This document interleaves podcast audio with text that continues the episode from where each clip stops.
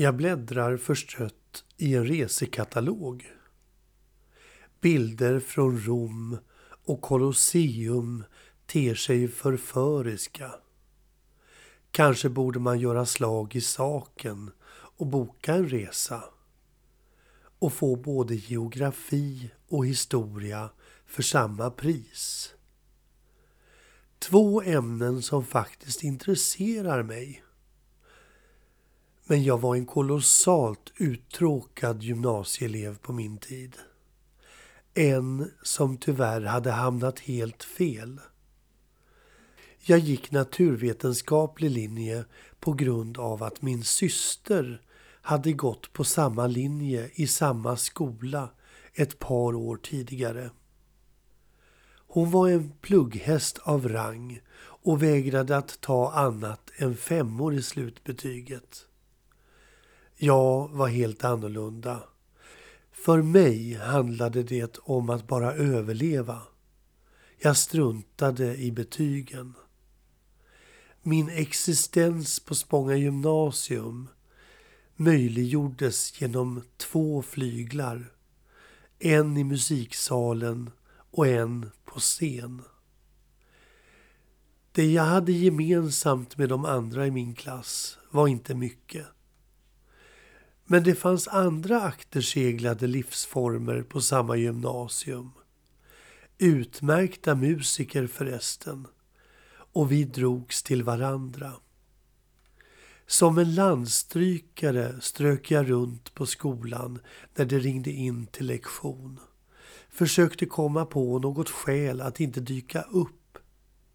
Och i min anteckningsbok noterade jag de timmar jag tog ledigt för att kunna vara säker på att aldrig gå över den gräns då slutbetyget skulle vara i fara. Jag hade ju alls ingen lust att behöva gå om ett år och förlänga pinan ytterligare. Men hur mycket jag än misskötte mig så stod jag ändå på god fot med lärarkåren. En del av dem beklagade ibland att jag var så engagerad i annat och aldrig dök upp på deras lektioner. Men i deras ansikten kunde jag alltid skönja en viss typ av förståelse och respekt. Och jag vet ju själv att de gånger som jag deltog på laborationer i kemi till exempelvis, då var det inte långt ifrån eldsvåda eller rökförgiftning.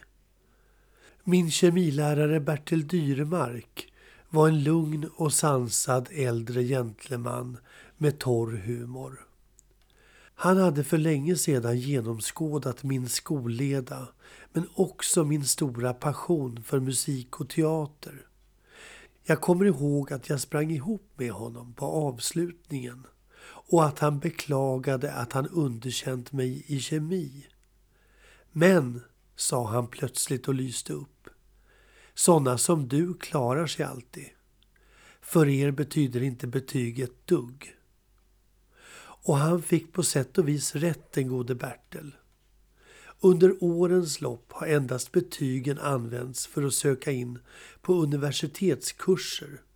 Men aldrig någonsin har jag sökt ett jobb på mina betyg. Jag gjorde nog ett val redan som ung. Ett val som jag säkert fått betala dyrt för. Att gå mina egna vägar. Och alla vägar bär nog inte till Rom men de bär lyckligtvis i de flesta fall framåt. Och det är själva vandringen som är poängen med livet och inte själva målet.